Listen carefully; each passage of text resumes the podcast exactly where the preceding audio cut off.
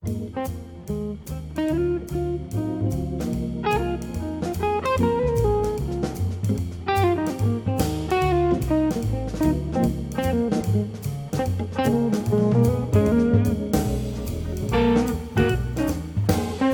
aftur av Vaskalna. I dag færa vi at vi gjerra eina bok vi søvelien inn i halte. Hette er boken til virkar Dalsgård om Peter Mordam, fyrverande løgman og formann ui javnavarflottsjonen. Peter Mordam var fødder i 1898 og døg i 1938. Han var en av dem som ståna i fyrja Javnavarflokk. Og i havn var Sorstreim av Javnavarfela ståna 25. september i 1925, og her var åtta maveren Morensius Vistein. Nægra mannar sættene var fråbjer søknar Javnavarfela ståna, og i tog sambandet var Peter Mordam ui Byrstare. Hese bei feløyene ginkes stort etter saman om at ståna Javnavarflokken. Januarflokkeren stilla i av fyrsta sinni upp til løgtingi i 1928 og fekk tvei ombo vald av ting, Peter Mordam og Morensius Vistein. Fyrst var Morensius Vistein formaver, og fra 1936 tog Peter Mordam vi formansessnum. Han var formaver i jaunarflokkeren ut i eit til 1908 Løgmøver var han fra 1908 til 1933, og så atter fra 1923 til 1938. Virkar Alsgård, som hever skriva avsøvna om Peter Mordam, dealer ikkje fire, at han helter Peter Mordam vera den største politikaren som følger heva ått. Han var følger metaste og fremste sosiale arkitekter, sier høvenderen og i forhåren Birgard Alsgaard skriver eisne at han kjente Peter Mordam fra tui han var seks år gammal. Ta var Peter Mordam av godt kja foreldren hans herra, Peter var en kærkommen og spennande gester, vi ekkjentare og avvanliga djupare rødt, sier høvendren. Birgard Alsgaard skriver så igjen, «Til som særlig feste seg ikke mer, var at Peter Mordam kom alltid vi kæte, og så var næst han bøtten. Han tok seg tøy til å prate vi okken ovidar, og han myntes deisne navnet ikke mer. Ta at døvun var slett ikke vanligt at mæter menn gå og fær omslukt.» Vi skilja så stadt at fra helt ungun Aron heie høvendren samband vi høvespersonen og i bókene og heilt negv oman, og ta kommer jaunan til kjöntar og i frasøktene som er 300 og trus suger. Peter Mordam ver i bókene luster som tan sottlige og skilagåi og i malnon som han er parster av, maveren vi tar sosiale indignasjonene, medan politiske motstøvemenn, menn, Som til dømes Johannes Pedersen, Torstein Pedersen og Erlende Pedersen få herra ved fer. Birgard Dalsgaard nevner i forhåren at å hundra år var i lien og i 1998, så Jan Peter Mordam var føtter vanta i ham, at jauna var flokkeren for at hat og gjør halta dagen er en bok om mann, men det hendte ikkje. Og i fjør hei Peter Mordam så var i 125 år, og ta kom boken vi virkar Dalsgaard som rithøvende. Virkar finst i ingengjnum til bókina er at føreskare søveskriving. Han sier at hon heve mengan haft slavsuje, såleis at omrøvan av politisk omvigiskiftun ikkje heve veri etterferrande. Skrivingene heva sjåvinistar, som hadde gjerne subjektiva atlan vid sunne skrivingsteg i fire, og tar heva sambart høvenda noen smakt sunnar fordomar, så en illvilja mot Danmark og så et skeikleia verensbøylet nyer iver tan særkleisa og særlig at han okritiska unga lesara. Virgar Dalsgaard teker såleis til, fullkommen objektiviteter finst sjálvand ikkje, men subjektiviteter eier at heva eit visst sømelet marsk. Han helder at det mest ekkjenta vi føreskare søveskriving er det som ikkje veri sagt, eller heilt veri lopi om. Folk fyrir samband vid Danmark har veri forfyllt helder han, og føreskjer nationalistar, som han kallar der, heva kritikklest veri hevjair til skudja. Et ommela bojna om Peder Mordam heva vid ui det finnje Hans Andreas Sølvara, professora ui Søve og Samal Madras Kristiansen, samfellagsfrøying. Velkomner, Tibar. Takk fyrir. Takk fyrir. Ja, Hans Andreas, hvordan lyser du hesa bojna? Ja, altså, jeg halte til godt at vi får henne at uh, Peter Mordam fer en av en av avsøvn til her han oppebåret. Han er, han er en av de store eh, politiske mannen i, i førskarsøve, så det er avgjort altså, at passe plass at han ferdig. Han er en stor politiker i førskarsøve, ja. Men, og det er ikke nekker som jeg finnes det, Men uh, alltså jag hade hända bouchen där hade vi Luisa så så det hade inte det som jag vill kalla en en faglig sövbok om om mannen. det Hade inte hade inte hade inte standa som sövboken om Peter Mordam. Det Per det Här till er han allt och nek alltså virkar nek för nek innoverar själver vet du. Han han skriver helt tydligt om om uh, syne sjåna mig och han är bland annat på alla tunna berg i Malborn som man brukar ser man helt tydligt att att till hans här malbor och till hans sjåna mig som som skulle jöknen mot till eh Scholzersfök och och Madam och så läs och och och så är och helt det där till något så tendentiöst som är där och selektivt när det som är där och och så är det ösen pura odokumenterat allt alltså allt det som man lägger fram här Eh, jeg som sørfrøk kan ikke bruke det til særlig nek, for jeg vet ikke hva han heter fra, som stendes er. Så på en måte er det en øyelig personlig bøk som han skriver, men, men jeg halte verleggene at Peter Bram Peter Mordam burde finne en, en æra bøk som bør mora faglige grunta. Ja, så saman Matras Kristiansen, hvordan lyser til hese bøysene? Ja, det er jo ikke evig om at Peter Mordam er den større hetjan som virkar. Virkar er jo en brennande socialdemokrater, og jeg synes ikke bøkene, kanskje, jeg synes ikke som en søvbøk som så, men mer som en, en hetje søv. Her, her virker det som lyser sånne større hetje, som fyrir jøkken, allt detta struje fyrir at noa sinne malen, og så hever han en rikva futsint, han beir til høyre, fascistar, til vinstre, kommunister og så hever han akkurat hjelpare trætsar som stod honom, og, og så, så ångsvekna, at det er en sånn mer dramat, dramatisk bøk enn en søvbøk, at det er nærmast, han han helt lukka som i handen og Peter Mordam og fylgjer han oppsøkna sjøvna og og fylgjer han herra han herra bartier i motor sunne futjendon og kanskje saman vi sunne hjelpar hon og så etter er kanskje han han, han glorifiserer halt i og rettla større mon Peter Mordam og stillar hinvegin i miskar politiska futjendar som Hans Pettersson etla etla Erlend Pettersson og i Rinkleos. Ja, eh, jeg tok noen inngangsord til virkar om førska søveskriving fram og Johanne, Og så hugsi jeg, Hans Andreas, legger han sjálfur nekka nytt at trætøy som langi er skriva om politiska søvi i fyrjon? Ja, jeg vet ikke, han skriva seg jo på møter, nøkron myten som han sier er, er nevnt der, han kommer fram av onkrar og i, i bøtjen men altså, jeg må si, for meg er det, er det myter som leksjan er avlytta, avlyva er i fyrska søvi. Hva er det dømes? Uh, Alt dømes, altså om grønn tjei i skolalavn, ja, hva er som man skal ha sagt at dette var smøkt om man nyføringer. Altså, jeg kjente slett ikke atter, altså. gos i moderne så er det kjære. Han nevner også søvn om, om um, flatsch av Tingvallen og i, i, i nu kjent tret vi ankar i Stavning skal ha sagt at det stender visst ångst at han skal ha sagt takk den kloden et, som om, om før skal flatcha. Men altså, jeg tror jo at han mytan lengst han var var avmontera, det helst tiden var, men, men hvis du leser bøkene som virker, så blir den faktisk reetablera atra. Nu sier han bare til at det er faktisk litt av skattleitje som han har sagt om. Og jeg vet ikke om det er bedre å si at det er litt av skattleitje eller noe mersk i fargen. Det er virkelig mer gosser sin underligt at det er så. Men ja, det tar man skriva en bøk om i 400 suger, så, så er det noen ting som kommer fram.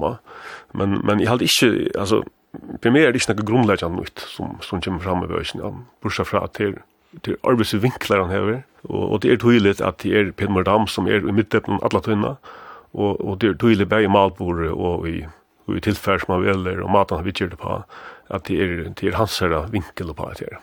Han løser baden og ungdomsår tja, Peter Mordam. uh, visste du alt? Ja, men det er heldig faktisk i funnet. Det er også her han er nok så uh, objektiv, ja, det er han lyst til. Her, her bruker han ikke sier eh egosli superlativ og negativ og positiv om om han men så så alltså det skiftar stil där så kommer till det politiska så så det man att han blir helt nästan andra personer där jag ska lysa eh det politiska virkja.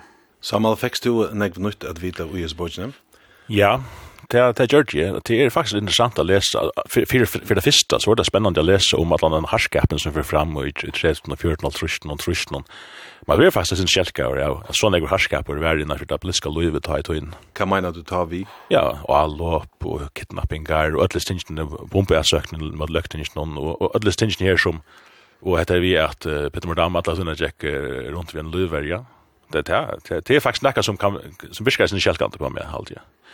Men annars så halt jag neck ut i utöchliga politiska halt. Det visste jag nok nekva om.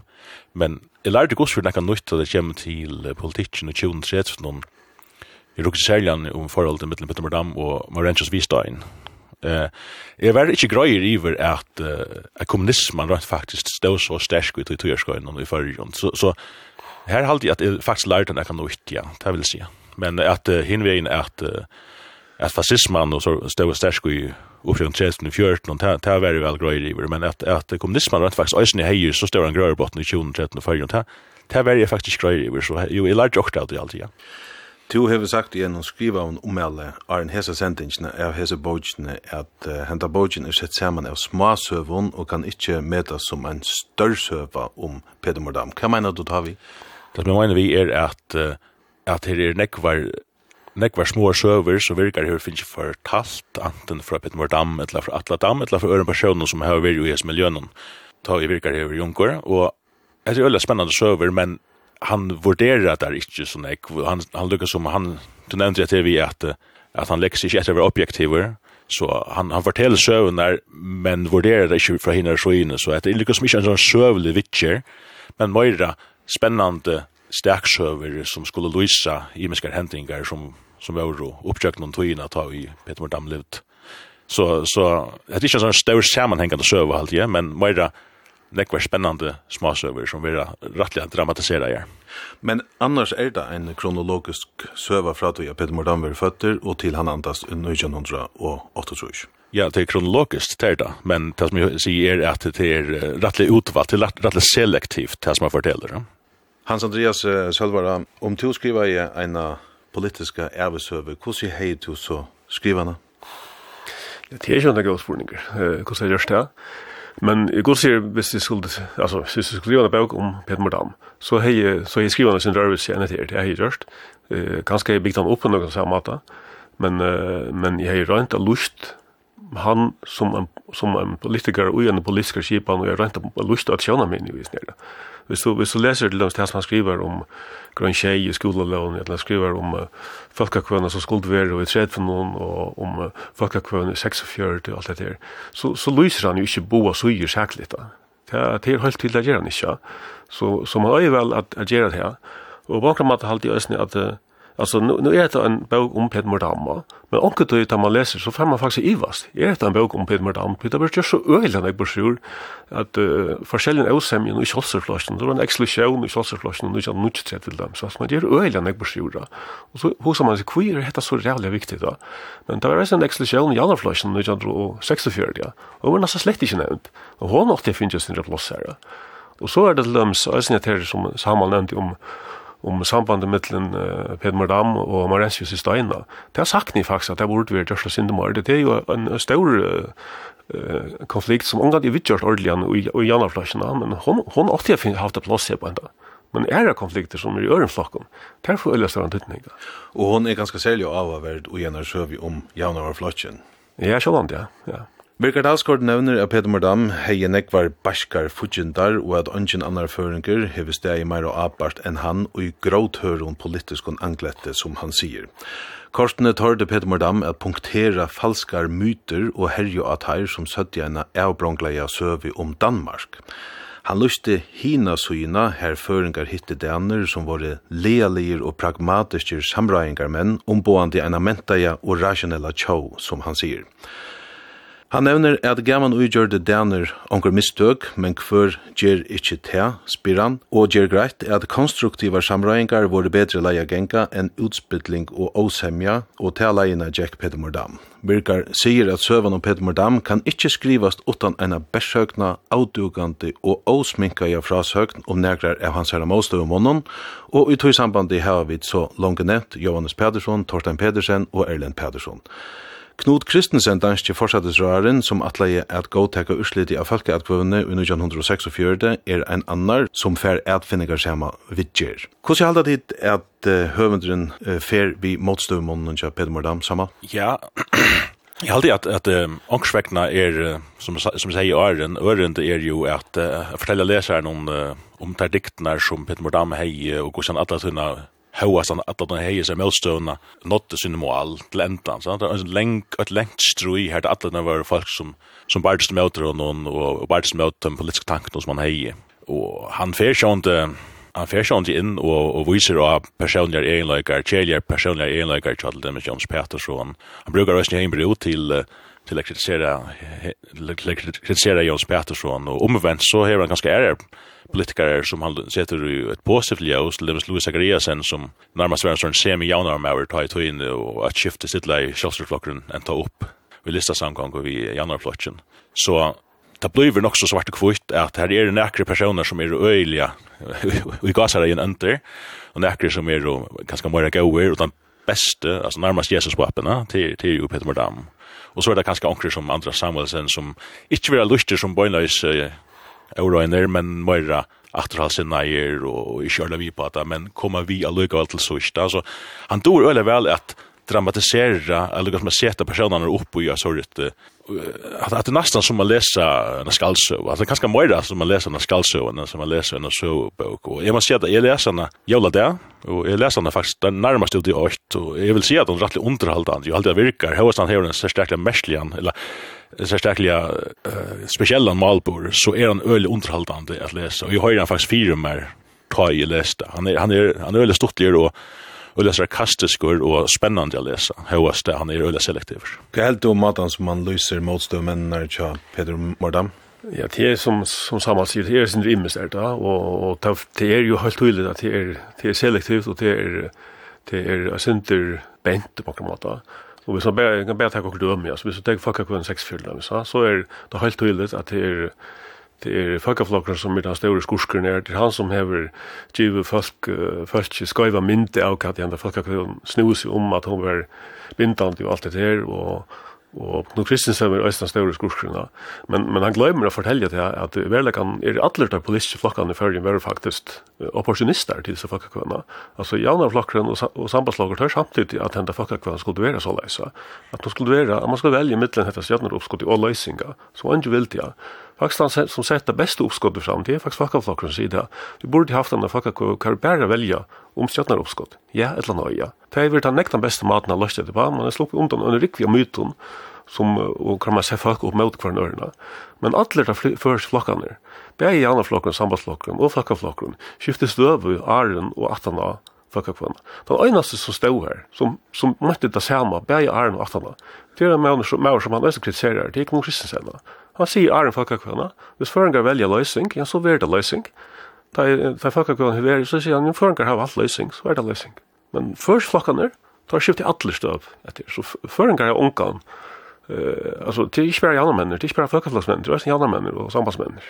Og Samal, til at utlegge førska søve, til en, en endales oppgave som omgang til semja vir om, eller hvordan? Virkar hever åttan iver rett og i at, at nekv folk søve uh, skriving hever kanskje øyne være biased, eller bent som er det ord du brukar, ja. At, at vi tar veldig kan tørre og få en, en bedre jaun var i søvskrivingen. Her, her alla parter Lucas som kommer til årene, og man færre en Alltså är är samt då att man omgång kan röka en fotboll objektivitet men man måste gå för röjna att arbeta neutralt och och få en en lösning av verkligen som i vad som mot vad hänt ja i stedet for bare at velja tæpers ur som passar inn i Jøns kram. Da du sier at han er rett i at uh, førsk søvskriving har vært bent omkran annan vei enn kanskje han vil ha henne at vera hva huksa du ta om? Ja, det er, uh, altså, det heter jo ikke den eneste hetsjøsøver vi tar i førgen. Vi tar jo også dømer om, om er eldre hetsjøsøver vi kunne dømes til oss om, om Nesjapotl og sånn, ikke?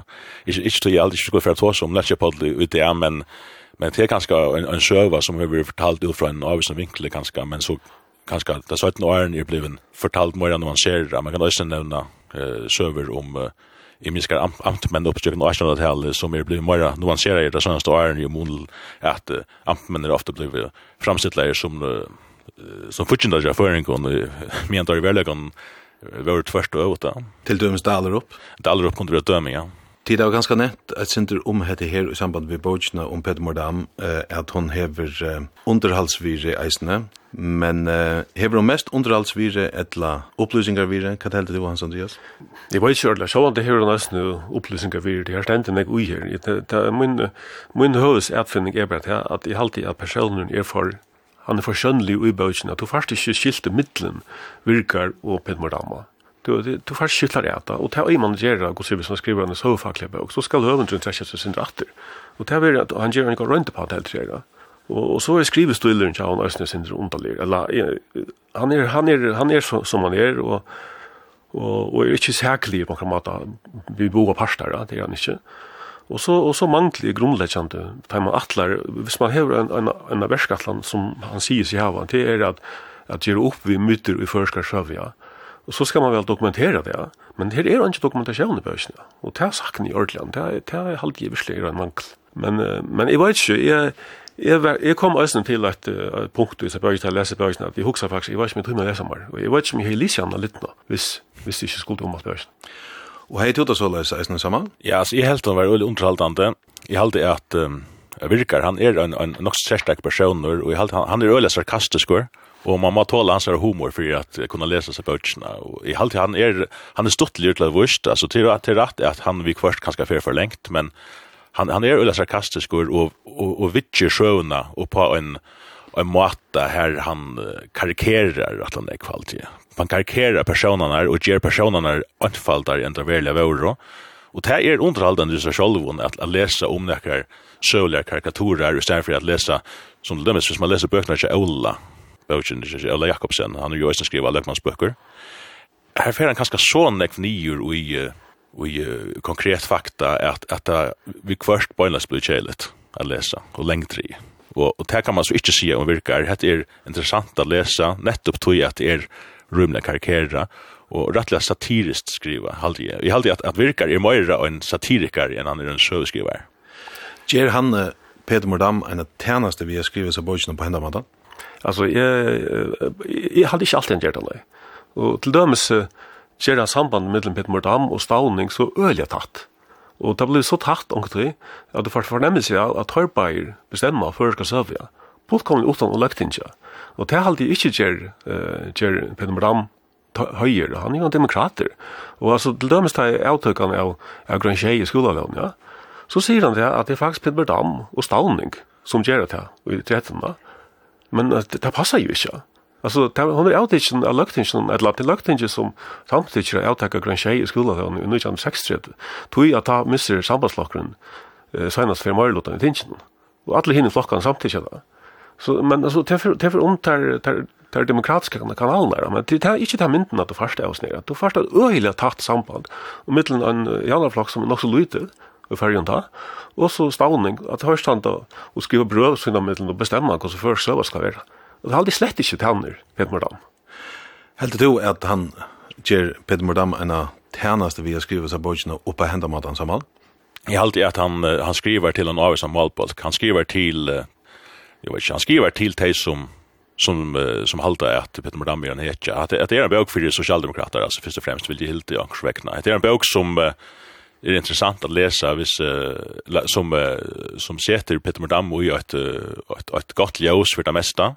Uh, men i allt är att det här är bättre vis det var en bok som var mera vitcherande och och jaunviande i angsväckna mittelperspektiven.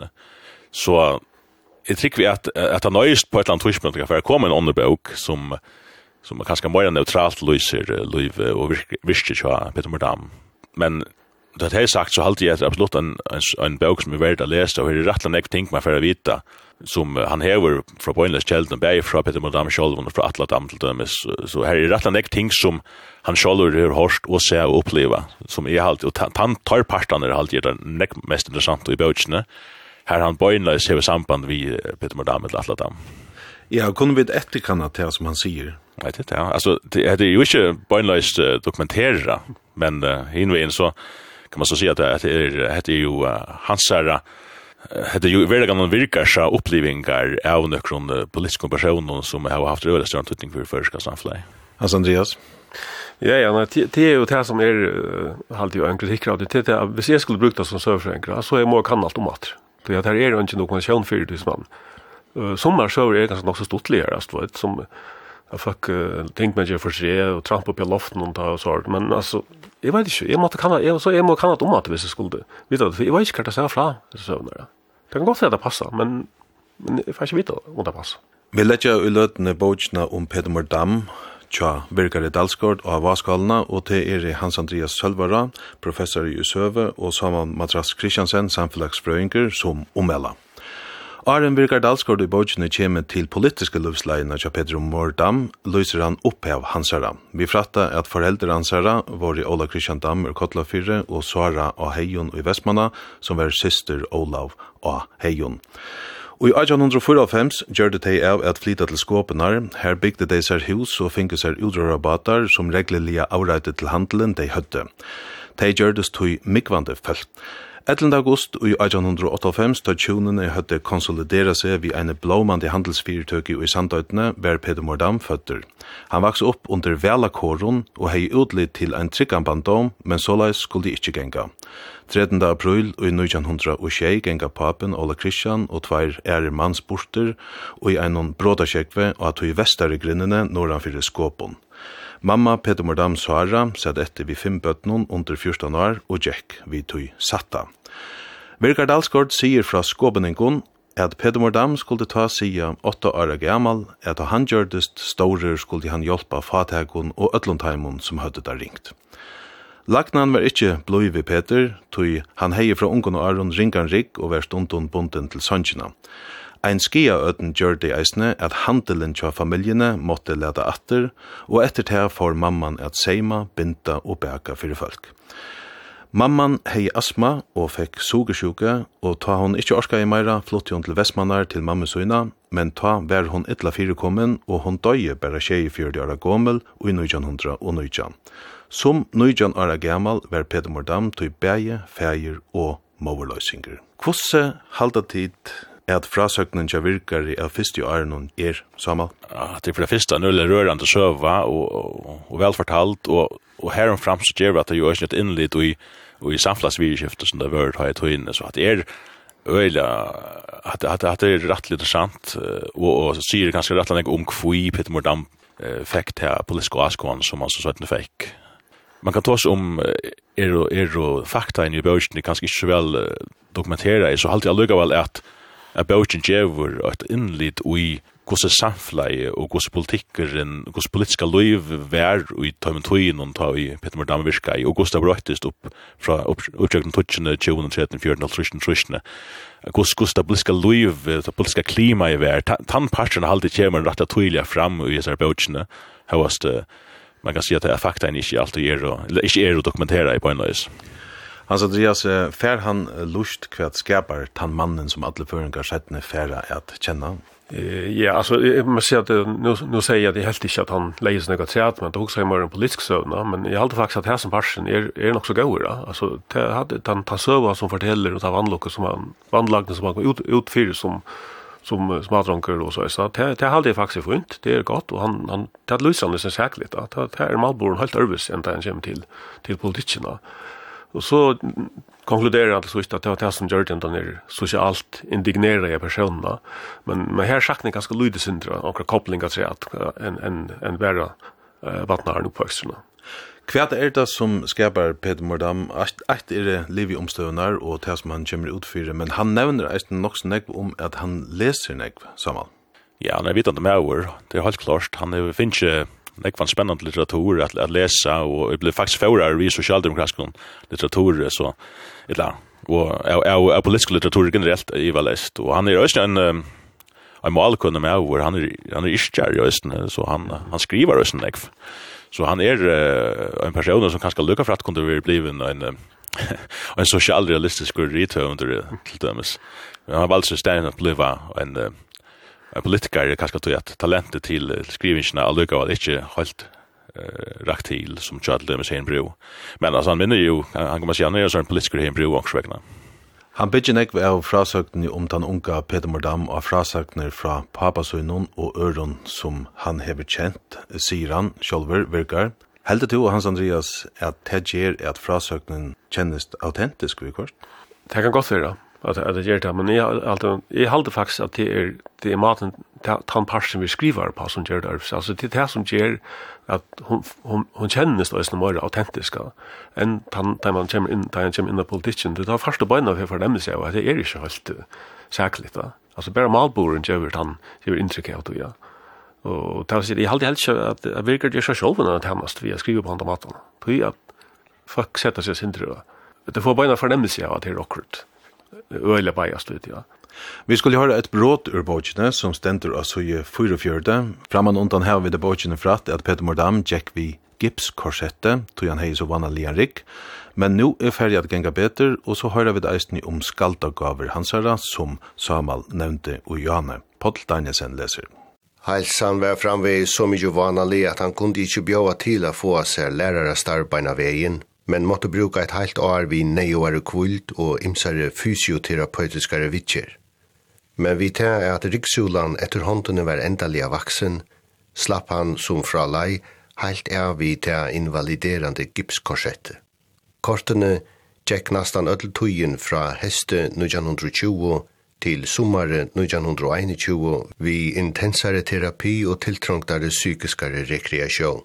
Sjalt om åre 1920 og 21 fyrir Peter Moore var negg mest av sjuko og mentalari avbjóing, hei han korsten i intellektuella avlopsmeie til allsins lesna og skallskapar utriv. Han hei avgjørst skaldagaver, var målsliga åravanten og ofta nyskapande vi føreskun maltilfærre. Han røynde seg flere fyrir bægi vi omsettingun og egnu søvun. Longo i lestrar åren fekst han vi at iskja, men som tja flestu blea ungun lyrikarun vær nekvar skaldskapur bæra bænta nýri skrivbordskuffna. Tó vera nekrar iskingar almennt kjentar, og han sette tær i blæ i dumalating som bæra 22 år gammal. Tær krauti ikkje sørst av orreie. Iskingarnar eru oftast mertar av strongun bøkstavarrymme, allitterasjon, Det var aller helst ein smittande arvor etter ta danska skalde NFS Grundtvig som nekve føreskir iskjærar vår meira og minni avvirka i ræv. Grundtvig kallet han fotna stuilen fyrir kemperim, risarum. Hans Andreas Kvarja, fætan få vid avtøy intellektuella førningen og tja Peter Mordam. Ja, men det er, det er godt som er, som er, som er vidande, og som leser nekv, og som, som jeg har nevnt at han, han iskjer, han hever resten ære gaver enn å være politikere. Så det er aldrig, det er nok så avhørst. Samal, uh, Peter Mordam hever nekva motgångt i byrjan av løyven og hever eistene helsetropleikar, men få vi fætan er at han er en maver vi orrei? Ja, han hever jo uh, motgang, uh, til at han hever ytre motgang fra politiskun uh, motstoffeltje, men han hever jo sannelig også ståren uh, motgang uh, fra sin og nekna kropp Han er jo ytla fire alt løyve, og det er faktisk brakt at han, han klarer seg så vel som han gjør. Han, han, han mann har vært en rett og tvøre med år, som verlig hever haft viljastyrke. Så det sikkert at han er ærer menn i hans støv, at han er vann finnes ikke så nek på seg hur som han, så han har haft en sterska personlighet og har helt klart haft et orrei og et troskne som har ført han fram til at han at enda endelig ble løkmauer, hva han kanskje kunne huske seg over blivet da, nekka velfyr han har uppenbart haft anker så nevnte jeg til vi sosiale indignasjon, han också räkna haft en mission livet, och viskar det som altså han er ikke bare ver en brei politiker som vi kanskje känner det fra, fra 17-tøyen, men han er veldig väl en person som har helt och, og, och ingst just moon fyrir sitt samfälle. Kvarja politiska hugskjån tan unge Peter Mordam fær, ta fratta vid om fremste i bojene, og ta fratta vid mittelanda at han vil ikkje negar kolveltingar sinnaver kommunister, men ein parlamentarist sinnaver sosialdemokrater. Hentan munen legger høvenderen ståran dentoa og i bojene, vid høyra et brot av suje 94. Han fylgde særlig vel vi i aktuellun blæthøyendun og fortalte ofta sætni om gos i æren han vær ta eita frattest at hans herra svenske partamæver Hjalmar Branting Vær valdur som verens allar fyrste sosialdemokratiske statsminister i 1920 og er i etter eisne fekk friarprusen tja Nobel fyrir sitt pacifistiska arbeid. Det var nästan personliga stimprande tøyende fyrir tan Sonjar Fjötraja, men vusikta kosmopoliten Peter Mordam. Fjölbrøyt søveterping og opplysande bokmentan av straunar i sjukralevo høttu tampo honom tan politiska sjånaringen, så han smøkte alla provinsialism og avsar og får som bæra 20 åra gammal unglingi at hugsa som byggvin vussiktur europeare. Sjalt om mangen føreskur jaunavar flokkur enn vestaunavur følte han seg langt og fyrst i 1920 som eldhoavan sosialdemokrat. Ha fyllt i eisne vi i strøynun mittlen til sosialdemokratiske reformismuna og til dogmatiske kommunismuna som akkurat ta var blivi et møyeslitt høvestema og i åsemjene mittlen den danska javnaverhøvdingen Torvald Stauning og danskar kommunister. Hjalmar Branting hei hine med en øyrasund heilt analogar avbjøvingar fra svenskon kommunistun. Torvald Stauning gjørdest ein særlig politisk firmynd tja Peter Moore, som fekknaist om at han danske staunamæveren vi synun stora autoritet fekk syna partamenn av reka alla revolution og heldur velja friarlia og civilisera evolusjon vi parlamentariskare pluralismo. Ja, Hans Andreas Sølvara, her vera Hjalmar Branting og så eisne Torvald Stauning nevnter negv. Hva tøtning hever Stauning fyrda føreske javnavar rørslena ta? Ja, altså fylgje bøysene tja virkar, så her han velja større tøtninga det tar skriva samman i helgen och, och som jag alltid nämnt Janne så ser det ut som att det är en större parst att det som händer i färgen det ser ut som att det tar som tar avgör om det. Eh så han är det så en tutning halt jag det är det är väl känt att att Janne flocken är är stånd över alltså ur Danmark så det är ju snöka några nytta så är Men ja, det her har større tøtning, det har ikke ivast du, ja. Men... Og etter tatt av sambandet ja, Peter Mordam, vi stavning, øget her om spenningene og i politiske omkvarven i førjen, heldur du, kanskje særlig vi kjølstøresflotjen? Det har gjør det helt sikkert, ja. Og, og det gjør det kanskje også i, i janaflotjene, at her er spenninger i middelen folk som er, ja, ja, som er imiska, og Men det det gör det helt tydligt då tror jag att det betyder att i alla flockar blir en en en samrutja flockar och det är för nog ösn uh, større tydning for førskan politikken. Men, men jag vet ikke hvordan vi... Alltså nu är nu är han lust då som han först förja sociala arkitekter, då. men, men onkel du først fornemmelse sig att sambandet ja Peter madam vi stavning är så tätt att jag spør ikke kvar ut sociala sosiale arkitekter kommer så om det skjer skipene som bare kommer rammar som kommer til førre og det har fornemt at det kanskje blir ibespalt i børsen. Jeg vet selv. Samal, var det naturligt at Førja fikk en sosialdemokratisk flokk ta han kom inn av ting i 28? Ja, det må man sige, at det er bare til at man fører en sosialdemokratisk flokk og en vinnerflokk, så det er, det er helt naturligt, og i verleggen er, er det kanskje om undrunna vært at det ikke hendte vondende fyrir. Ja. Så så det är faktiskt man ser på höje tid att att, att, högre vänsterflockarna kommer här i 2013, ja. Og i det politiska omkvarven var det nøyot at en socialdemokratiske flokker kom da? Ja, det er alltid. Jeg alltid, det var helt naturligt at han kom. Altså, som samma sier, han kom det godt for å komme før, altså, vi finner bare, altså, hendingene gjør det bare til at det bodde så vi finner jo nu kjenne seg, det var med forhold til Danmark, altså, ikke løsning, men det var det som var, men, men man ser det langt her, at det er også sosial eh ting som är framme innan inne i flocken och färgerna men det får bara inte det blir inte dominerande ja.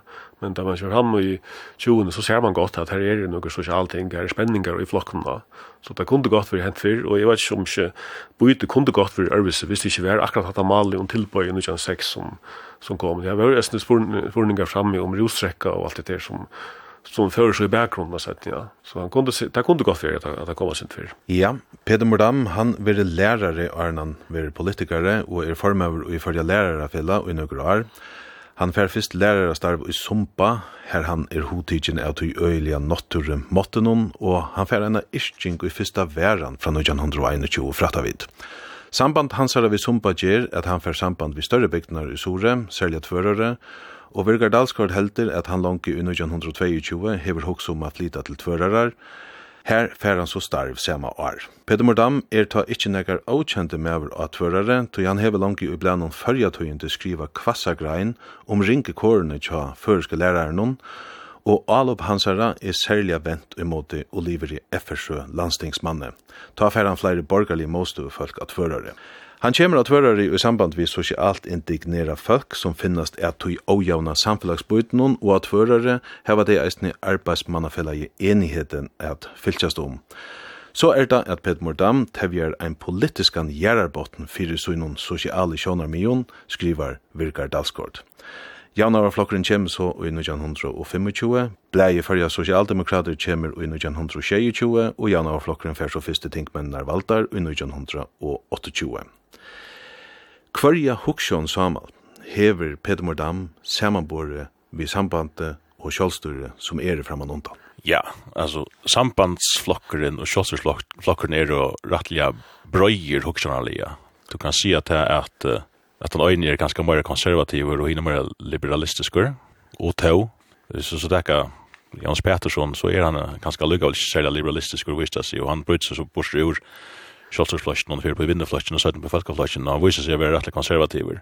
Så tar flokkene er rettelig diffuser, vil si, tar her er nekker under av om asen jaskaldan til her, kanskje møyra og mentan og mal og så var det alltid dominerer kanskje møyra. Nu var det ikke så øtla nek om hessa periodene, men så får vi se om denne sosialdemokratiske flotjen i andre flokkeren som i, i byrjan er sint Ivar Sæmur skal han færa at han sosialdemokratiske vegin, eller skal han færa og en møyra møyra i kommunismen, og her er det etter strøy i mittlen Petter Mordam og man rinches vi stein som gjør seg galdant, og, og til enda så sjån vi søvann er at, at man rinches vi stein, han på et eller annet tidspunkt gjørst vi, vi politikja, og det er så Peter Mordamsen den retter som, uh, sier seg her på en, og førelugger som en en socialdemokratiska tradition vi är som helt klart är inspirerad av, av Stauning. Hans Andreas, hver skiler jaunarflokken som kommer ta se fra sjåstursflokken og sambandsflokken? Ja, så han er, han er mer sosial røst, ja, enn sjølvstyrklokken og, og sambandsklokken våre. Og så han, han er ikke lykke vuggangter av, uh, sjølvstyrklokken, vi, vi hadde ikke noen løysingaflokk, altså sjølvstyrklokken våre en sjølvstyrklokken, ja.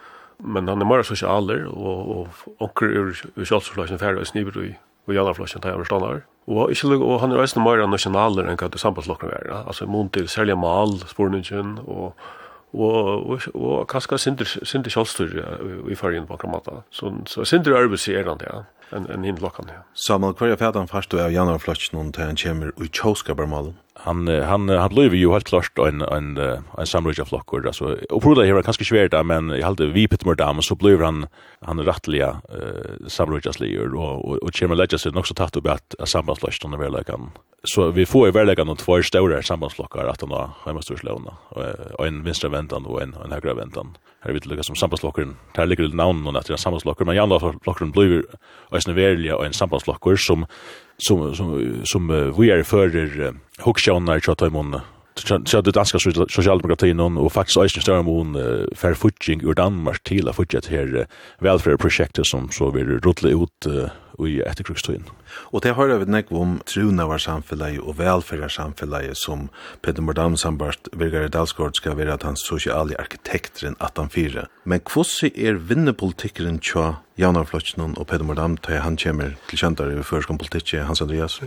Ja, det er jo nok så tydelig i alt det som er at, at, at fører, ja, altså uh, AT og, og det er nok så det är ikke kommunistisk, men det er, det er, det er gossjer mer uh, det er allment, allmänt att er ikke mer allment, enn en det er å inte møte til privata det är inte mer enn hva det bli och ta bläddra ju också lunch och att för ja det at det var så läsa. Och för det att ett känna för kan politik lunchen. Ja, det gjør det. Det går sier at för var det rettelig lunchen, ja, at, det var at det var så leise. Så det gjør det ja, at, at um, att eller allmenn myndliga var noe något snäck upp ju för uh, eller vindelöv i fergene.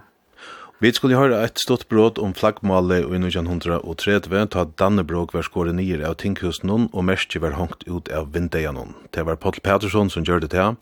Brotet snur seg om papan, Johannes Pettersson. Her skulle man tro at han inhabile kyrkjububben Johannes hever så frever at han takte under vittgjerne av vandalismene i tjass egna sånne. Men i stegin fire trøytta han løgtingi vi longun og bagatelliserande tiraton om sin egna son som Johannes helt hava strust så mannelia fyrir ta føreska flatje. Samstundes fekk han paradoxalt nok fortalt at hon domte slett ikkje ta føreska studentaflatje som han ikkje helt vera høskande fyrir føringar, middelen anna tøy det hei kvitan duk som vilde bliva illa dolkavr under brudje. Ja, hetta tog bara fram fyrir at uh, spyrja en stuttan spurning som all ver hetta ett dömi om en subjektiv lösning istället för en objektiv løysing.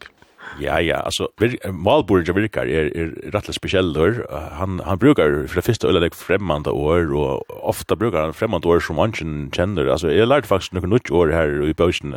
Jag var lesa så Böschen faktiskt några år som jag slash visste var til.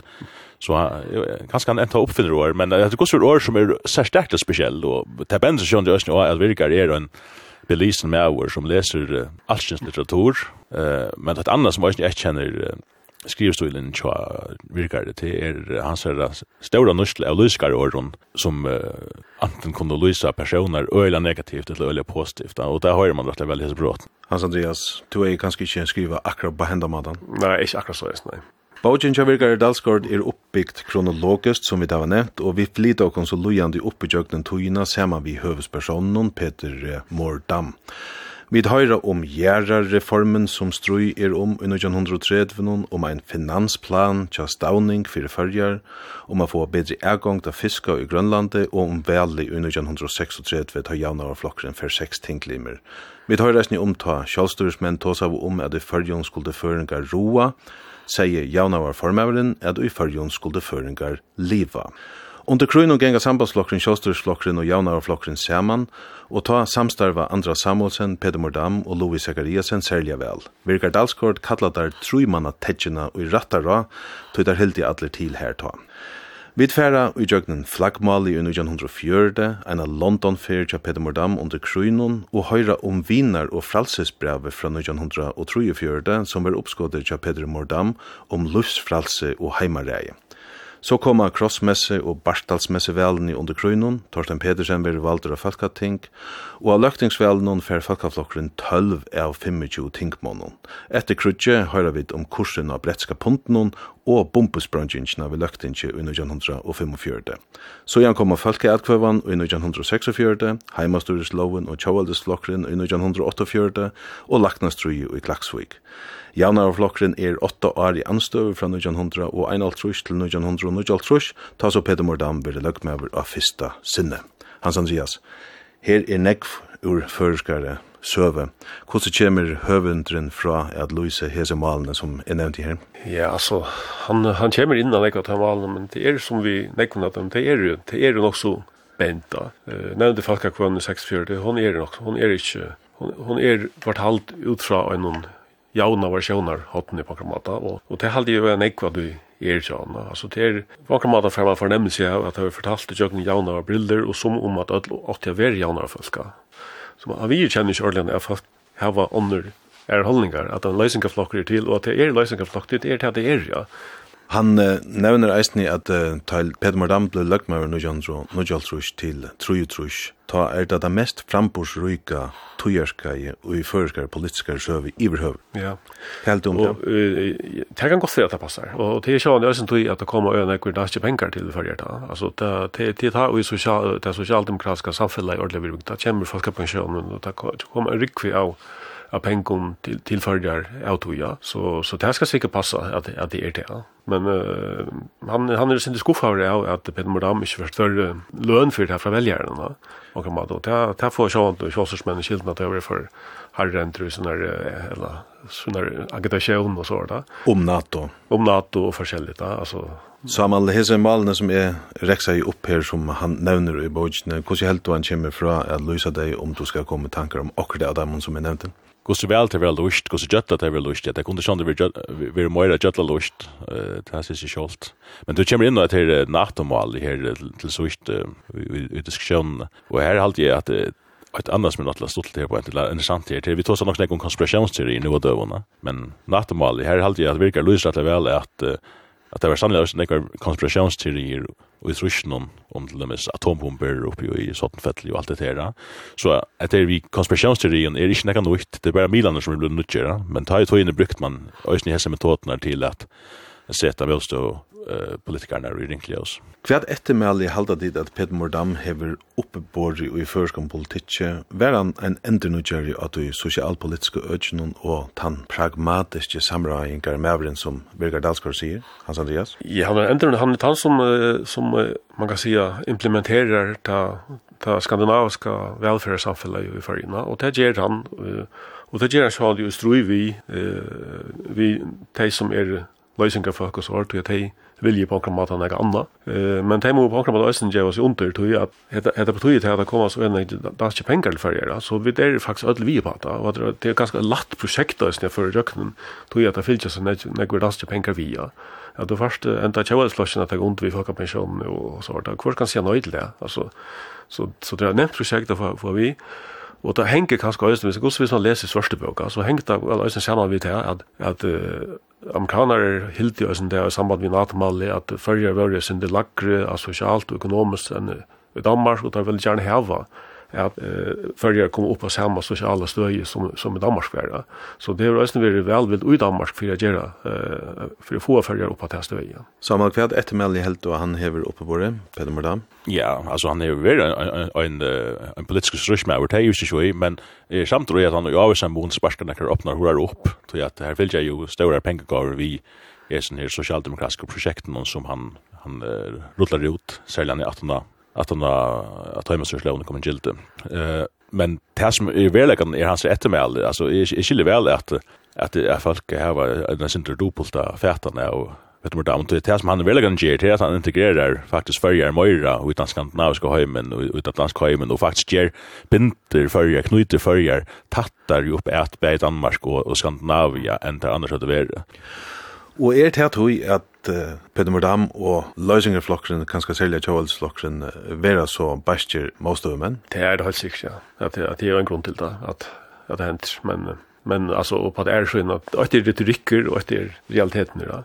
Det er reelt så har alle flokkere for en samt om at oppbyggja førska velferdssamt. Lykka mykje om det er sambandsflokkeren, om det er uh, jaunaflokkeren, eller om det er tjevelsflokkeren. Så alt ligger undervittig. Så er vi kommet til endan, og jeg ætla bare å få dikon at tega saman om hesa bókina tja virkare Dalskort om Peter Mordan. Ja, det er en, en spennande og dramatisk uh, bók som, uh, som lyser en, uh, en politiker som uh, finner alt og lytter oppmerksam i halvtid kjolver, ja. Og Hans Andreas? Ja, det er en bøk som lyser en, en politiker som, som er oppebåret finner en biografi halvtid i førgen, men i halvtid er det en bøk som er øyelig heft av sjånamion og malbord tja høvendene sjálv, mer enn enka godt er alltid.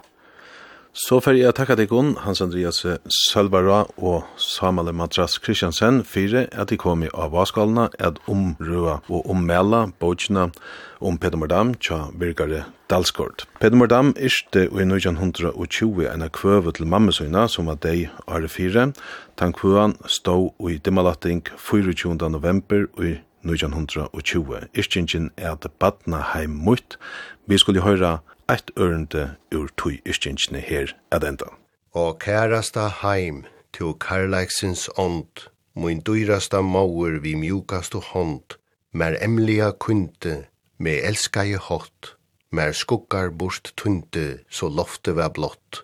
Tu bær mi og arme, var vette mun fot, og tja tunnun barme fekk tar og flå båt og tui ennu sort er longest a leggja me vi tuin varm, tu kunde vust stilla angest og rigi bort saran harm.